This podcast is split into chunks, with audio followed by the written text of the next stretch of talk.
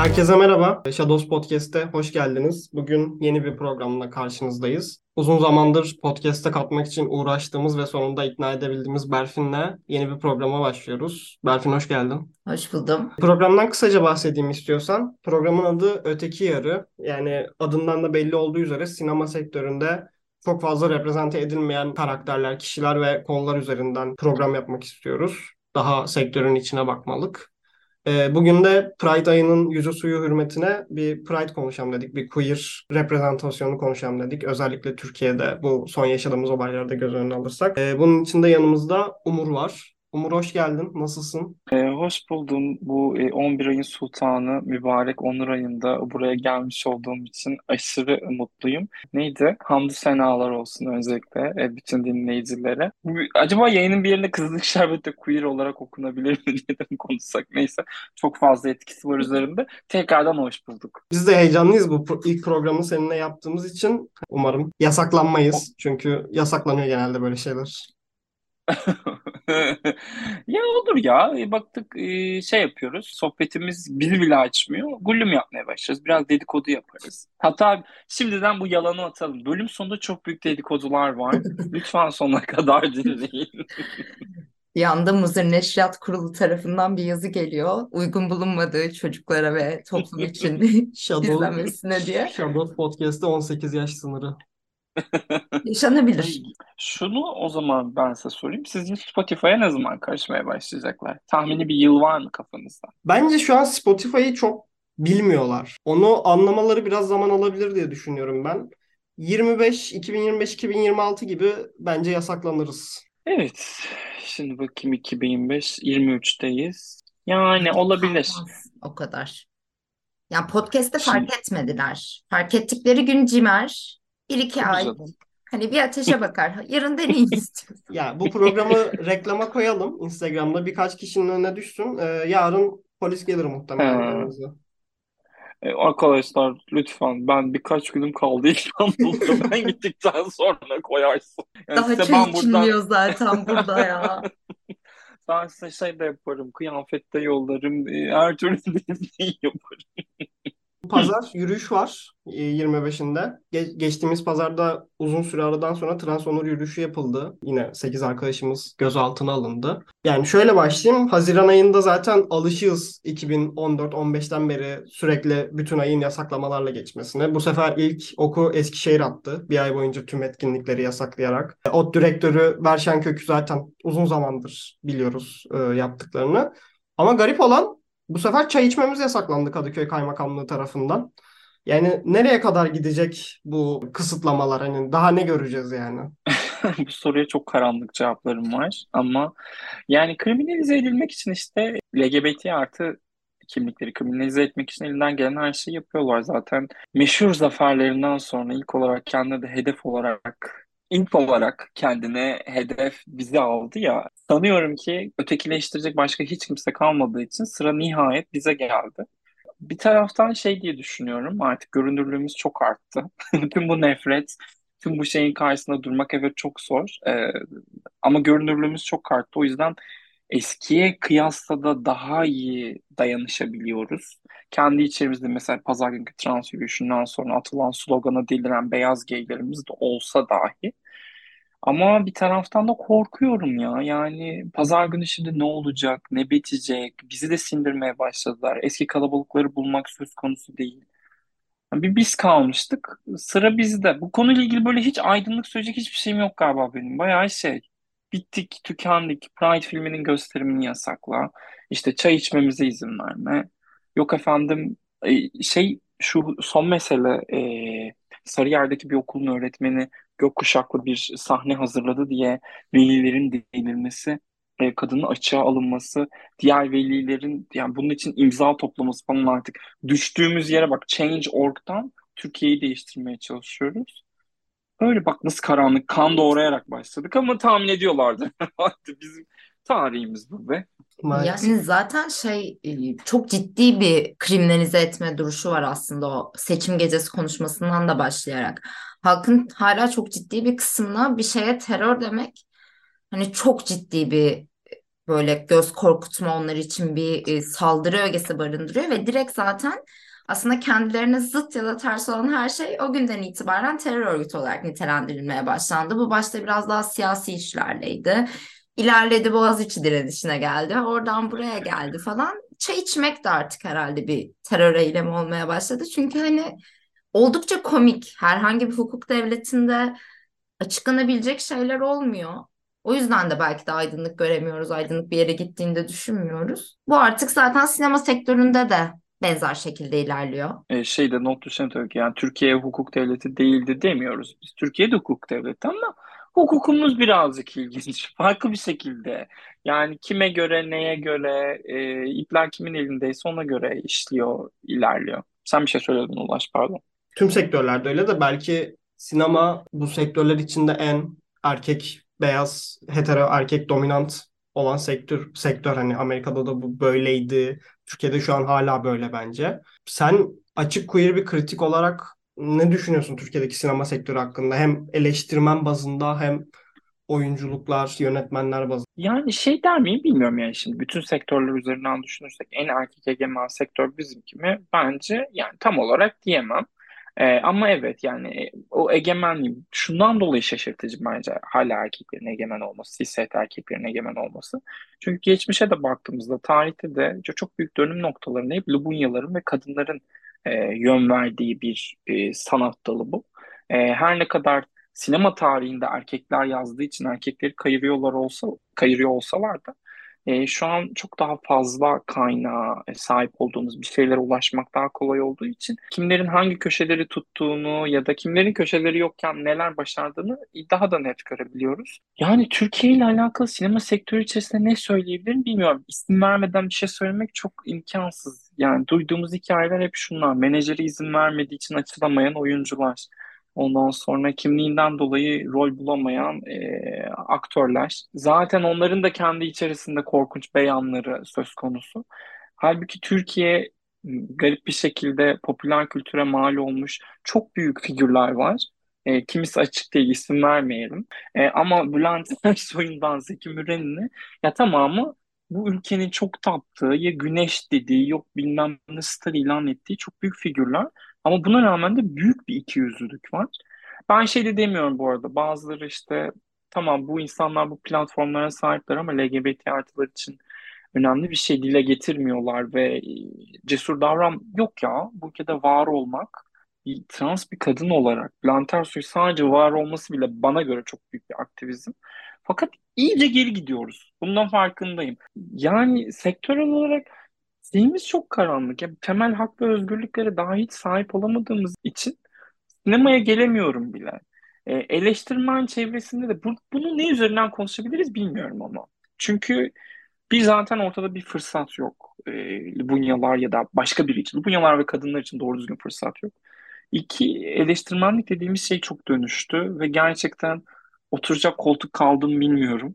Üç, e, para yok. Para olmadığı için giderek yani sizin jenerasyon, ben sizin mesela benim için mucizesiniz. Podcast yapıyor olmanız bile bir mucize. Çünkü ya siz de farkındasınızdır. Yok. Bu işe gönül vermek isteyen yok, yazmak isteyen yok, konuşmak isteyen yok e, sinema özelinde. E, bayağı da dağıttım şu an. Ne, ne, neydi konumuz bizim? E, e sinema sektörü sinema sektörü özelinde yani ne üzerinden konuşalım onu kestiremiyorum. Ya mesela şu şekilde bir örnek verebilirim. Her ne kadar kendi içinde stigmatize karakterler barındırsa da Atıf Yılmaz'ın o dönemlerde çektiği Asiye Nasıl Kurtulur filmi Hmm. bu noktalara parmak basması açısından önemli bir filmdi bence. Ondan 30-35 sene sonra ki e, Türkiye'ye baktığımız zaman şu an öyle bir filmin çekilmesini ben çok da mümkün görmüyorum. Hani sen ne düşünürsün bu konuda? Ya imkansız yani şöyle bir son 20-30 seneye baktığımızda zaten e, queer hadi bak LGBT artı karakter içermesini geçtim. O zaten imkansız gibi. Queer altı içerikli, queer temalı bir şey yok. Üstü kapalı olanlar var ya da eski AKP'li, şimdi AKP'li olduğunu iddia etmeyen Kutlu Ataman'ın bir iki korkunç filmi var. O konuda yani televizyonda da çünkü ben sizden birkaç yaş daha büyüğüm. Birazdan net hatırlıyorum. 2000'lerin e, sanıyorum ki ortalarına doğru Ömür Atay'ın bir dizisi vardı ve şu an hiçbirimizin açmaya dahi tenezzül etmediği ATV'de yayınlanıyordu. Bir İstanbul Masalı. Filmin, dizinin pardon, e, ana karakterlerden birinin en yakın arkadaşı Kay'di. Ve bununla ilgili tamamen bu storyline ile alakalı bir bölüm izledik biz. Ve hiçbir noktada yani dizinin herhangi bir noktasında bu karakterin kimliği espriye dönüşmedi. Şaka amaçlı kullanılmadı. Bu temsiliyetler bir yerlerde bir şekilde vardı. Ama sansür mekanizması o kadar büyüdü ki yani kızıl, şimdi Kızılcık Şerbeti'ne geri dönmüş olsak Kızılcık Şerbeti vereceğim. Kızılcık Şerbeti'nden dahi kıvılcımı çıktığı bir yere geldik. Dolayısıyla ne e, Atıf Yılmaz'ın Asiye, Asiye nasıl kurtulur gelmez, dönerse nasıl çal gelmez.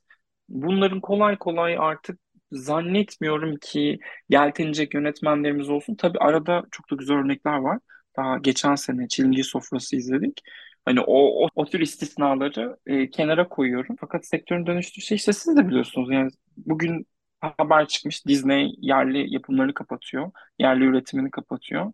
E, Netflix, Disney streaming platformlarıyla beraber de tamamen kuruyan bir sektör var. E, Lütfen Cevap Verinizi izledin mi? İzledim. Ben de izledim ama o filmle ilgili benim çok büyük iki tane problemim var. Birisi tabii ki Oğuzhan Çakır. Hani hala Melisa Şen olsun. aynen hani hala iş bulabiliyor olmaları. İkincisi filmdeki queer ilişkinin klişe bir gay olması. Hani katılıyor musun buna? Çok irite etmişti beni. LCV üzerinden konuşacaksak LCV ile ilgili benim de sorunlarım var. Ben birazcık erken izledim o filmi. Çok da işte Çilgi Sofrası aynı seneye gelmiş olması da büyük bir bence tatsız tesadüf LCV adına. Çünkü biri nasıl olmalı gibi bir film, diğeri de nasıl olmamalı. Böyle el altından izlediğimde de aynı şeyi sormuştum filmin ekibine. Hani neden Usan Çakır? Yani neden bu adam hala buralarda? Usan meselesi apayrı bir mesele. Onunla ilgili nedense hangi kapıya giderseniz gidin cevap alamıyorsunuz. Yok ettiği kadın oyuncuların hiçbirinin sesini hiçbir yerde duymuyoruz. Usan Çakır tiyatrosu, sineması bir şekilde devam ediyor. LCV özelinde yani savunabilecek hiçbir şeyim yok ya. Söylediğin her şeye katılıyorum. Çok sıkıntılı bir perspektifi var. Artı yani bir 10 sene 20 sene önce konuştuğumuz mevzuların tezahürü gibi üstüne altında da net bir mizojini var ve onu bence bir şekilde dengeleyemiyordu. Aslında amaç belli ki o üç karakterin de berbat insanlar olduğunu göstermek. Ama ne yaparsa yapsın kadın karakterin ifade ediliş biçimi onun elini hep zayıf tutuyor ve ister istemez hem heter heterosu değil pardon çok affedersiniz Ufan Bey hem biseksüeli hem geyi net bir kadın düşmanlığı izliyoruz LCV'de. Onunla ilgili bir savunma yapamam o yüzden sana katılıyorum yani. Filmlerde, dizilerde zaten queer karakterlerin gösterilmesini geçtik işte. Önümüzde Aşk 101 vakası var. Yani yazılan senaryoyu değiştiriyorlar. Ve ben biraz şeyde düşünüyorum. Tamam Netflix her zaman Türkiye'ye çok kötü içerik yapıyordu. Ama sanki ondan sonra biraz daha televizyon dizi mantığına geçti. Şu an çıkan dizilerin herhangi bir mantığı Orta Doğu'ya üretim yapıyorlar ya. Yani bizim için yapmıyorlar. Orta Doğu'da inanmazsınız bizden daha homofobik, transfobik. Dolayısıyla temsiliyet sıfır. Yani Aşk 101 şey bile yok. Aşk 101'de böyle bir göz kırpmalı bir karakter var en azından. Şu, ondan sonra ürettikleri hiçbir şeyde sanırım. Öyle bir şey yok. Öyle biri yok. Şahmaran'da normalde Melih Bendeli bir rolü vardı. Ama e, bir festivalde etek giydiği görüldüğü için o rolden alındı kendisi ve bayağı olay oldu. Ya, evet, korkunç. E, şaşırmıyoruz ya, o daha korkunç geliyor bana. Bu haberi okuyoruz. Evet ya, bu yaşanmıştır diyoruz. O daha da korkunç geliyor bana. Burada Şahmaran da ne kadar kötü diziydi. Melih iyi ki oynamamışsın. Ee, bir şekilde kurtulmuşsun. Ee, Serenay'ın ve Burak Deniz'in abartılı abartılı bir yerlere koyulamayan vasat karak e, kariyerlerinde dahi e, en kötü olarak hatırlanacak bir iş. Bununla ilgili ne diyebilirim bilmiyorum ya. Berbat bir durum. Ve Korkunç bir durum. Olayın içeriğine çok hakim de değilim aslında. Çünkü e, bu transition sürecinin başında bir anlaşma yapıp ondan sonra nasıl ya sen kadın mısın diye delirmiş de olabilirler ki o daha da böyle e, tiksinç, insanı iğrendiren bir e, tepki olur. Netflix. Bunlar ne zaman kapanacak sizce? Bakın yine sorum var. Netflix Disney çekildi. Disney artık yerli içerikten çekildi. Netflix sizce tahmini ne zaman batar Türkiye'de? Yani çok yakın bence.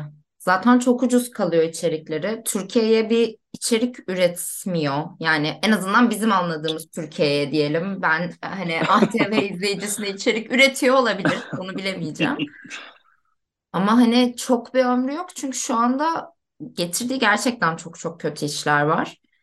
Hani ben çok uzun zamandır herhangi bir Türk işini birinci bölümden ileriye geçemiyorum. Disney Plus benzer bir e, şeydi.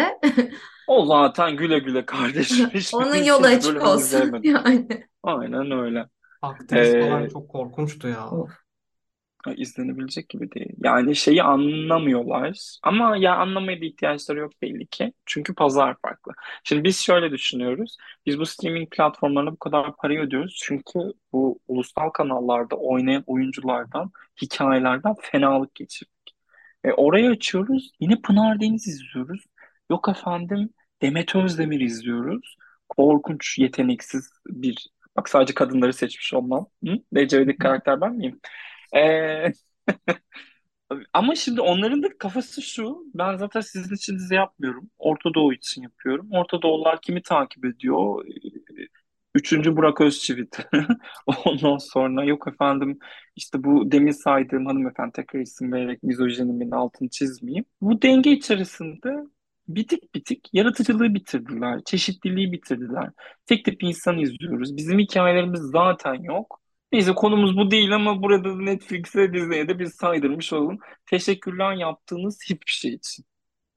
Sen bir İstanbul masalındaki queer bir karakterin hani bir bölümün tamamen ona ayrıldığını ve klişelere maruz kalmadığını e, bahsetmiştin. Genelde yaz dizilerinde gördüğümüz bir tip bu ama şey hani şirket e, sahibi, şirket patronu yakışıklı kaslı erkeğimizin gay ve tırnak içinde zararsız hani uçarı gay arkadaşı. Bu Kiralık Aşk Tabii. Onur Büyüktopçu'yla başladı sanırım. Ondan önce var mı? Ay Tam bir, bir ara beni ona benzetiyorlardı. Çok sinirlerim bozuldu. Hiç de sevmediğim bir oyuncu kendisi. Neyse Lubunya'dır. e, Onur ayında sataşmayayım. 1 Temmuz'dan itibaren satışacağım size beyefendi. E, korkunç ya. Cinselliğinden arındırılmış, e, tamamen isimsiz, böyle etrafta abidik gubidik zaten ne oldu belli olmayan o holdinglerde sabahın köründe gelip sürekli ofis dedikodusu ve patronunun der bu aşk hayatı hakkında fikirler yürüten kişi. O yüzden Ömür Atay'a ve Zekeriya karakterine buradan bin, binlerce kez teşekkürler tekrardan. Şey geldi bu arada aklıma. E, son dönemde böyle queer mesajı ben şeyin çok queer olduğunu düşünüyorum aile arasında Gülse Birsel'in yaptığı. Çünkü onda da çok net e, önemli olan kan bağı değil seçilmiş ailendir mesajı var. Ayta Sözler'in de varlığından öte. E, belki böyle bir son 20 senede 30 senede ulan queer ne çekildi dersek aklımıza gelecek filmlerden biri olabilir. Kutlu Ataman'a girmiyorum. Yani Kemal Sunal'ın Şabaniyesi var. Transfobik ama en azından yapılmış. Drag Queen'ler de vardır. Harici hiçbir şey yok ya. Hiçbir şey üretilmedi ki. Ne olabilir yani? Zaten şey üretilen de hani özellikle televizyonda bildiğim benim genellikle hani şey şirkette hani böyle dediğin gibi aşk hayatı dedikodusu işte sarışın Nergis Kumbasar'ın kıskanç birinin kankası. aynen çantasına alışveriş kankası gibi hani bir Heh. tek böyle bir bir şey yaratmışlar bir bunu yapabiliyorlar onun dışında her şey zaten kapalılar. Bunun üzerinden zaten artık sansür giriyor. Bu Netflix aslında Aşk 101'deki gibi. Sonrasında hiç denendi mi emin değilim mesela. Aşk 101 2020 idi yani. Yani Veli meselesinde de muhtemelen bu arada Netflix'in parmağı vardı. Yani orada ben yapıma, casting'e falan filan, casting'e zaten Netflix'in eli kesin değiyordur. Orada müthiş işler yaptığını zanneden inanılmaz garip bir iç yapımları var Netflix'in. Daha doğrusu çalıştığı ajanslar. Böyle tanışıyorsun, yaptıkları dizileri mucizevi şeyler gibi anlatıyorlar ama hepsi birbirinden berbat. Onun haricinde evet işte yani e, Mehmet Ali Erbil'in eski eşlerinin çantacısı rollerinde uzunca bir süredir öyle izliyoruz. Ve bir umudum da yok benim. Yani seçimle birlikte tamamen kaybettim. Hiçbir şey geri alabileceğimizi düşünmüyorum. Bu ülkeyi ya üstümüze kapatacaklar ya kaçan kaçacak. Kriminalize edilmenin zaten kapısındayız. Ay hiç umudum yok ya. Yanlış konuk mu aldınız acaba? Gençler yarınlar aydınlık olmayacak. Bence Ben zaten çok sıkıldım. seçimden sonra aydınlığa inanmıyoruz biz artık. Yani bir kere yıkıldı herkes. Kimseye bir daha öyle Gerek yok ışığa, umuda. Neyse onu kabul edelim, yanlışları bilelim. Doğruyu seçmeye ilerleyelim yani artık. Ben diyorum ki yani bir fikir olarak biz de kendi diktatörümüzü yetiştirelim. En azından bizden yana kararlar alsın. Gayet Ne mantıklı. olacak? Adayı Yeter kim? eşitlik. Yeter. İşte Kılıçdaroğlu Vallahi şu an onu yapmak istiyor da çok beceremiyor. bilmiyorum, e, belediye başkanlarımızdan biri de olabilir. Çok da benziyor sesi zaten. Şeyi de aynı, memleketi de aynı. Biraz Aa evet doğru söylüyorsun. Ay. Karadeniz şakaları yapacaktım ama yapmıyorum. Pozitif bir aydayız. Pride ayındayız yapmıyorum. Çok hoşuma giden bir şeyden bahsetmek istiyorum. Sektördeki gay reprezentasyondan. Mesela reality show'lardaki özellikle yemek Ha, programlarındaki kaotik gayler. Benim favori tür, tipimdir yani. ben burada Acun Ilıcalı'ya şapka çıkarmak istiyorum. Acun Ilıcalı üzerimizden çok büyük paralar kazanıyor. Burada isimler vermeyeyim çünkü alt etmiş oluyoruz sanırım biraz. Kendi yarışmalarının içlerinde mutlaka bir tane queer karakter koymaya çok özen gösteren bir yapımcı. Queer karakter diyorum. İnsan bunlar. Karakter de değil. Reality show karakteri belki. Ee, bizim üzerimizden çok güzel paralar kazanılıyor. Çünkü biliyorsunuz ki Lubunyalar gittiği her masaya dramayı getirir. Bizim olmadığımız yerde drama olmaz. Olmadığı için de senelerdir berbat şeyler izliyorsunuz. Hı. Acun Ilıcalı'ya da teşekkür edilmiş. Pride içerikli bir podcast var şu an. Tarihe geçti böyle. Seneler sonra Acun ne ya? Bülent Ersoy, Zeki Müren, Acun Ilıcalı. Acun Medya Akademi'ye girersem göstereceğim bu podcast'i. Beni alın lütfen diye. Yanlış hatırlıyorsam düzelt ama Acun Ilıcalı bu kadar uzun süredir medyada olup da hormonluya aday gösterilmeyen nadir kişilerden galiba. Ben hatırlamıyorum aday gösterildiğini. Bu da bir başarıdır. Yani bu konuda şöyle küçük bir e, bakayım. Aynen. E, sağlama da yapayım. Evet. Yani Monsieur Toha'yı e, hormonlu domatese aday etme aymazlığında bulundukları için sıra gelmiyor olabilir. Orası da ayrı bir hikaye. Süleyman Soylu'nun yanına çok yakışmıştı çünkü Taha. Eminim onun kadar suçludur. Taha'ya da buradan teşekkür edelim. Tövbe estağfurullah. Ama evet Acun aday olmadı galiba. Dikkatini çekmemiş olabilirler. Ama bir taraftan da üzerimizden para kazanıyor dahi olsa sanırım görünürlük sağlıyor. Kerimcan Durmaz'ın bile bir em, isim yapabilmesinde sanırım büyük payı var. Yani böyle bir ülkede görünürlükte fena bir şey değil diyelim hani. Yani bunları tamah ediyoruz ya. O çok üzücü.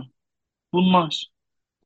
isim isim tek Görün. tek seçerek. Toplayalım yine. İsim isim seçelim. Türkiye sinemasındaki en sevdiğin queer filmleri soralım. Birkaç tane He. söyleyebildiğini. Bayağı da zor bir soru. O- Toplasam bir Evet. tane ya vardır ya yoktur çünkü. Çok güzel bir döneme denk geldiniz. Neden? Çünkü Oscar boya tüm zamanların en iyi queer filmleri diye bir liste hazırlıyorum şu an. Sinemacılardan ve sinema yazarlarından listeler isteyerek. O yüzden şu an önümde bayağı Ümit Ünal'ın, yok efendim e, Ömür Otay'ın falan filan koyduğu e, filmler var. Ama burada bile yani ister istemez onunla gidiyor e, gözüm. Yani Çilingir Sofrası bence çok özel bir örnek. Bir de çok zamanla da geldiğini düşünüyorum ben. Üzerinden yani demlendikçe film bende. Ya filmi finalinde öyle bir bakış var ki yani bunu anlatamayacağım şimdi siz bilmediğiniz işte izlemediğiniz için bozmak istemiyorum. Filmde bir feminenlik üzerinden de bir çatışma var çünkü bir erkeğin bir geyin bir feminen olamayacağından. Ve nihayetinde de ana karakter olduğu kişiden vazgeçmiyor ve dördüncü duvarı yıkıyor. O sahne böyle düşündükçe farklı anlamlar çıkıyor. Yani Türkiye üzerinden şey yapıyorsun, temsiliyeti düşünüyorsun. Ali Kemal ısrar ediyor bu arada asla doğru temsil olması için çabalamadı ama demek ki müthiş bir insan. Ee, yani bunun için çabalamadan bu kadar iyi bir sonuç çıkarmış. E haricinde işte Asiye nasıl kurtulur dedik. E, dönersen ıslık çal var aklıma gelen. Yakın dönemde Bilmemek var mesela. Leyla Yılmaz'ın sanırım. Onun da çok kötü bir örnek olmadığını düşünüyorum ben. Tam olarak meseleyi iyi idare edebildiğine inanmasam da. Başka ne var? Sizin aklınıza gelen ne var? Ağır roman da bayağı queer bir iştir bu arada. Geçen gün onu konuşuyorduk hatta.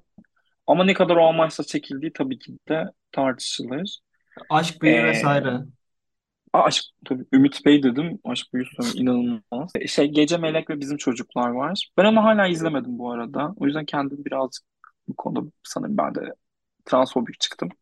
Liste de önümde bu arada. Yani oturup şey yapsam bulurum muhtemelen ama bir çırpıda şöyle bir ne vardı diye şey yapınca aklıma gelenler bunlar açıkçası. Benim de aslında bunu şeyde söyleyecektim de şu an aklıma geldi. Bu queer karakterlerin filmde gösterilmesi olarak. Benim çok büyük bir güneşi gördüğüm travmam var. Yani Mahsun Kırmızıgül. O trans portresi korkunç bir portreydi bence. Görünürlük sağladı. Evet, sorunlara dikkat çekti. Ama yine de çok geri dönüp izleyemeyeceğim kadar korkunç izler bıraktı benim üstümde. Sen o karakter üzerinde var mı görüşün? Unutmaya çalışıyorum o filmi. Ya o iş birazcık enteresan. Trans arkadaşlarım da bazısı nefret ediyor filmden, bazısı gerçekten önemli olduğunu düşünüyor. Ben şöyle yaklaşıyorum. Bence iyi bir film değil. Ama Türkiye koşullarında sanırım dönemin sorunlarıyla, ülkede ne olup bittiğiyle ilgilenen nadir filmlerden birisi e, Güneş'i gördüm. Çünkü yani sadece trans şey yoktu, e, transfobi yoktu o filmin içerisinde. E, Kürtlerin yaşadığı sorunlarla ilgili bir hikayesi vardı. Milliyetçilerin böyle yaka silktiren e, müthiş e, portresi mevcuttu. Ben de çok net hatırlamıyorum. Bir kez izleyip tamam bu travma bana bir kez yeter diyerek rafa kaldırmıştım ama sakat da olsa birazcık şey tarafındayım sanırım. Yani en azından ne bileyim e, ülkede her şeyin iyi gitmediğinden emin birisi. Mahsun Kırmızıgül burada kesin saraya yem yemeğe gitti değil mi? Ben böyle konuşuyorum da şu an. Çok Gitmiştir. Ya, vibe verdi. ya da eski sevgilisi Seda Sayan'la karşılaşmamak için gitmemiş olabilir. Tekneden buysa Bu, çok üzücü. bu arada bunu söyleyeceğim. Bu, yani e, Pride içerikli bir podcast üretiyoruz. Seda Sayan'ın balayında kocasını onur yürüyüşüne götürülmesi bu nasıl bir kraliçelik? Ben Bu ne bunu kadar bilmiyorum. Aa story falan attı. Canımsınız. siz Hayatın bütün renklerisiniz falan diye. Kocası da yanı başında elinde e, bayraklar story'e koydu ya. Ben Seda Sayancıyım. Hiç kimse kusura bakmasın. Mother is mothering diyebiliriz yani. Konuş. Türkiye'nin evet e, queer ikonu olabilir belki de.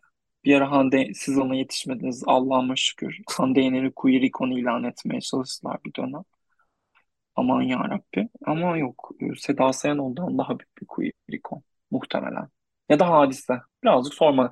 Bunu, bunu da yapalım ya. Niye böyle bir podcast yapmıyoruz? Kamuoyu araştırmasına sokalım bunu. Aynen. Ay, hemen anket açılsın. Hadise mi Seda Sayan mı? Sinema podcastinde sorulan soruya bak. Senin için kim daha önde? Tarkan. Ya var aslında ikonumuz da. Evet bayağı saydık aslında ikonda filmde fena da değilmişiz belki de ya. Bu da Mur- Murat Övüç'ün lafı. Yani çok özgürüz aslında biz bu ülkede. Zaten Ya hukuk devleti dedik saydık yani bilmiyorum kendimizle mi çelişiyoruz acaba? müthiş bir ülke ya. Of. Cennet vatanı. Ee, bu Disney kapanmadan değil mi? Tabii. Ee, geçen sene gibi bir senede kapanmışlar. Çok enteresan. Disney açılışını hatırlıyorsanız Tarkan'ı getirdi. Böyle bedavadan Çağla Şiker'le yan yana Tarkan izlemek keyif. Disney Plus'ın da yüzüydü ve bir senelik ömrü oldu Tarkan yüzüyle. Güzel al yani umarım hepsi paralarını almışlardır ya. Fox'a aktarılmış sanırım bu reklam yüzü anlaşmaları falan. Öyle bir şey okudum Ay, ama bilmiyorum. Yani çok da emin değilim paralarını alabileceklerinden de. ya yazık sen dijital platforma iş yap yurt dışına gösterecek diye sevin. Dizinin yasak elma tekrarlarından sonra oynasın. Korkunç yani. Böyle düşününce çok kötü oldu yani. Uf, çakma bir Fatih Portakal'dan sonra dizim başlayacak. Yani bilmiyorum. Bir Atatürk projeleri vardı. Onun akıbetini çok merak ediyorum. Onun Ama sanırım neyse. Hı. çekimleri tamamlanmış diye bir şey okudum. Bilmiyorum. Ya tamamen yanlış da yani. olabilir. Ama Yeni sezon için bir lansman yapmışlardı. Onda tüm odak Atatürk'ün üzerineydi. Atatürk projesinin üzerineydi. Ama e, yani kaç ay geçti üzerinden hiçbir şey yok. Oscar Siz de, kriterleri. siz de hayır bir dakika siz de söyleyin Türkiye sinemasında başka queer film var mı? Beni burada bu topu bana attınız. Topu attık çıktık. Yani Aşk Büyü Vesaire'yi unutmuştum mesela ben. Bir anda geldi da aynen. Sen, aklıma. sen Ümit Önal deyince aklıma Bir geldi. anda böyle dönerek. Başka? Ümit Mesela dö Dönersen Isık Çal tamamen yoktu benim aklımda. Hani silmişim yani. ya O işte geldi. böyle hatırlatırlar. Ben de asla hatırlamıyordum da bu listeler gelince.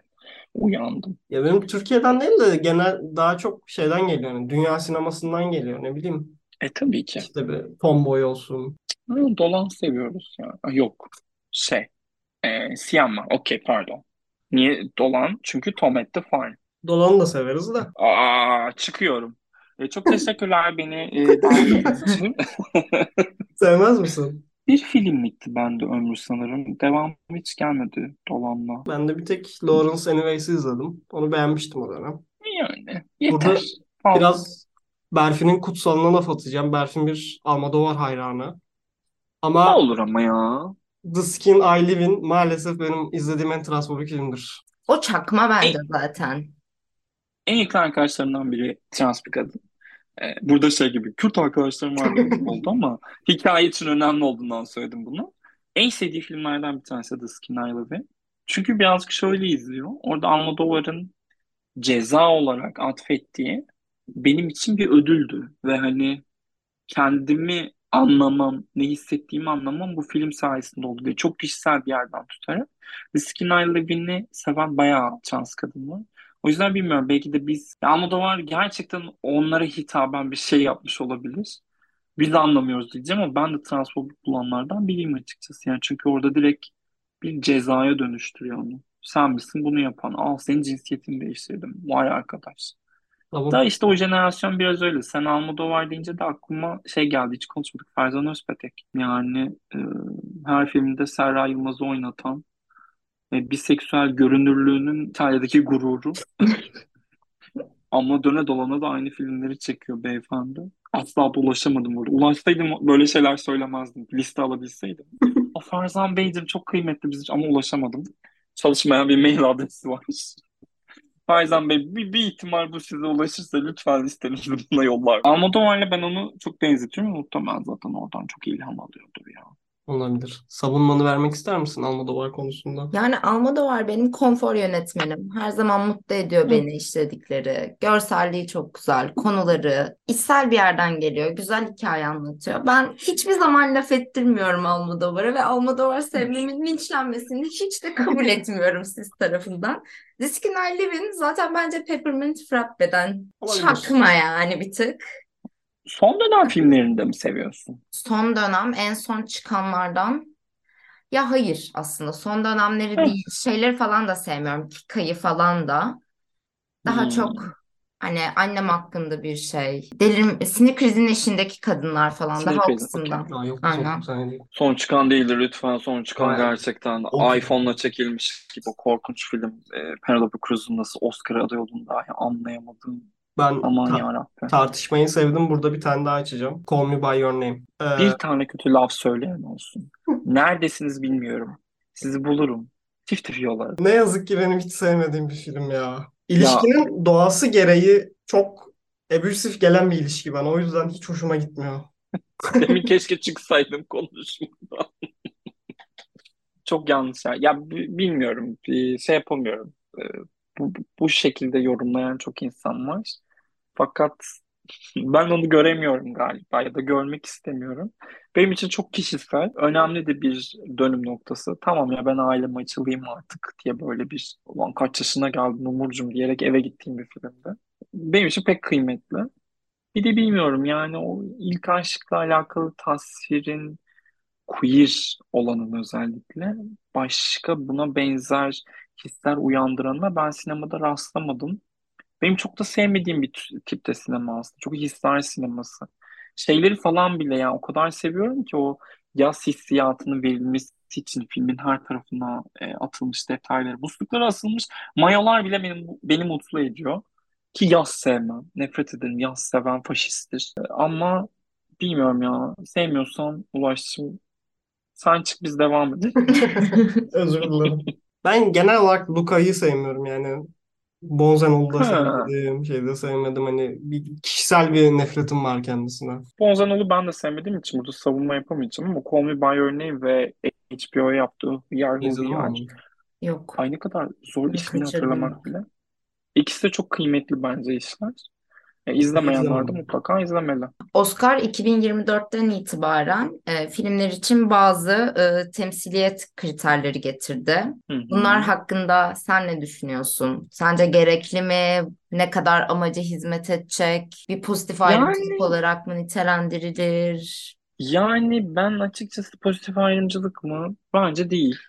Sinema sektörü ne olsun 1900'lerin başında mı başladı diyelim hadi ortalama. %10-120 yıllık bir sektör. E, e, hareketli resim en azından bu kadarlık bir sektör. Ve uzunca bir süredir beyaz, erkek, heteroların yönetiminde olan, onların hikayelerini anlatıldı. Mesela kaç tane ilk queer aşk hikayesi var? Kaç tane Birinci Dünya Savaşı filmi var? Ya biz ne kadardır bu erkekleri izliyoruz? Tamam tabii ki de tarihe çok yön vermiş bilmem. Ama daha ne kadar izleyeceğiz? Ben bir kez daha o bombaların tepemde patladığını ne kadar şahitlik edeceğim? Akademinin attığı adım evet birazcık göstermelik gibi duruyor. Ama yani çok öncü bir kurum bu. Dünyanın en büyük film endüstrisinin en önemli, en kıymetli hala bugün bile çok kıymet verilen ödülünü dağıtıyorlar. Akademi olunca ben şeye geçiyorum. Ee, canım akademi. Aldıkları şey de yani kural da çok böyle aslında zorlayacak bir kural değil. Ee, birinci ya da ikinci rollerden birisinde POC işte beyaz olmayanlardan, işte LGBT artılardan, kadınlardan birilerinin olmasını ya da prodüksiyonun içerisinde bunun olmasını ya da haricinde hikayenin bunu anlatıyor olmasını arzu eden ve onların değerlendirmeye alınacağını söyleyen. İsteyen gider yine filmini çeker. Her film zaten Oscar almak zorunda değil. Ama biz bundan böyle bunları dikkate alacağız. Mesela Christopher Nolan Oppenheimer mesela hiç değerlendirmeye alınmasaydı çok eğlenmez miydik? Aşırı beyaz duruyor ya. E, ben şey buluyorum, doğru bir adım olduğunu düşünüyorum. E, uygulanabilirlik açısından değil, örnek olması açısından bu kadar prestijli bir e, mevkide böyle bir karar verilmiş olması diğer sektörlere, diğer ülkelere ve genel olarak yani kültür sanatın görsel medya kısmında e, önemli bir adım, ilham. O yüzden ben okeyim. Ama tabii işte şeylerimiz var. Bıktık artık social justice warrior'lardan. Kadın hayalet avcısı mı olur? E, siyah hobbit mi olur falan. Kardeşim hepsi kurmaca bunların. Niye olmasın yani? Uf, tek kaşı da olur, kel de olur, e, ağzı bir yerde olur, gözü bir yer. Ne ne yani ne ne ne bu normatife olan normatif dediği de bu arada kendi çoğunluğunun normatifi. Bu hasret, bu saçma ableizm kafa yiyecek gibi oluyorum da böyle şeyler güzel kudurtuyor onları. Bak bu açıdan bile müthiş bir karar bence. Bu sene değil mi? Bu sene e, geçerliliğe Evet, girer. 24 Oscar'larından itibaren. Ee, Barbie'mizin en iyi film alacağı Oscar'lar. umarız, umarız. Yani Barbie yerine ilk Oppenheimer'a gidenleri vuracağım ben. Ee, sinema salonunun başında bekleyip. Oppenheimer'a gidenlerle arkadaşlarımızı kesiyoruz. Şeyi hatırlıyor musun? Berlinale'nin de erkek ve kadın oyuncu ödüllerini kaldırıp sadece en iyi oyuncu ödülü vermesi bu karardan önce Tamam. miydi, sonra mıydı? Hatırlıyor musun onu? Şimdi şeyden düşünelim. E, pandemi senesiydi galiba ilk hmm, bu ödülün şey yapılmaya başlaması, cinsiyetin kaldırılması oyuncu ödülünden. E ama pandemi başladıktan sonra olması lazım. 2021. Bu kuralların gelişi de 2020 olarak kaldı bende. Ya benzer dönemler ama sanırım akademininki bir sene önce.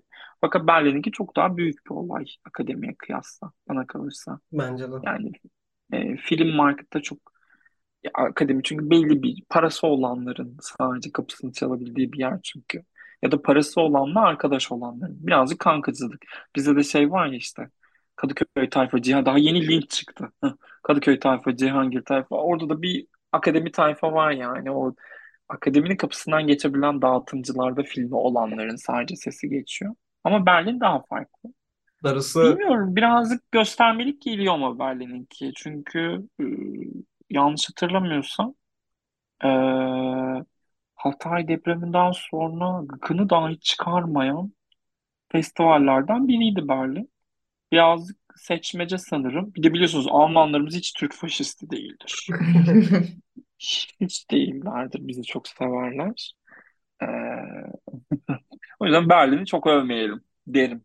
ya tabii darısı kanın başına diyeceğim de Johnny Depp'i 7 dakika alkışlatan bir festivalin böyle bir şeyi yakın gelecekte yapacağı çok da şey gelmiyor. Ya Şimdi zaten olay onu yapmak değil de Tamam en iyi oyuncu dedin. Onu kime vermeye devam edeceksin? O da önemli yani. Sen O da yine var.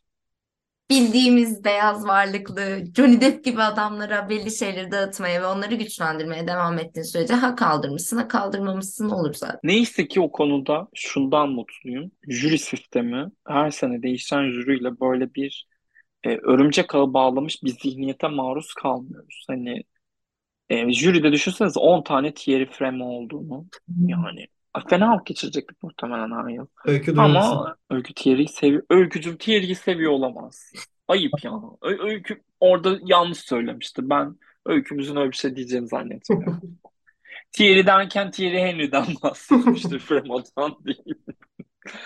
Burada da çaktırmadan futbol referansı görüyorsunuz. Hetero izleyiciyi de kaptım hemen. Bunu highlights'a koyacağım heterolar gelsin diye. Aa, lütfen. Thierry Henry hakkında konuştuk 5 saat.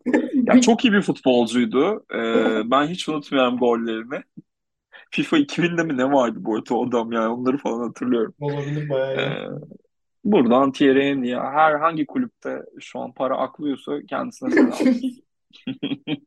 Çok oradan oraya şey konuşmuş olduk ama maalesef böyle bir ülkede yaşıyoruz. Hmm, Queer sinema diye bir şey söz konusu değil. LGBT artı temsil artık sokakta temsil edilmemize izin vermiyorlar.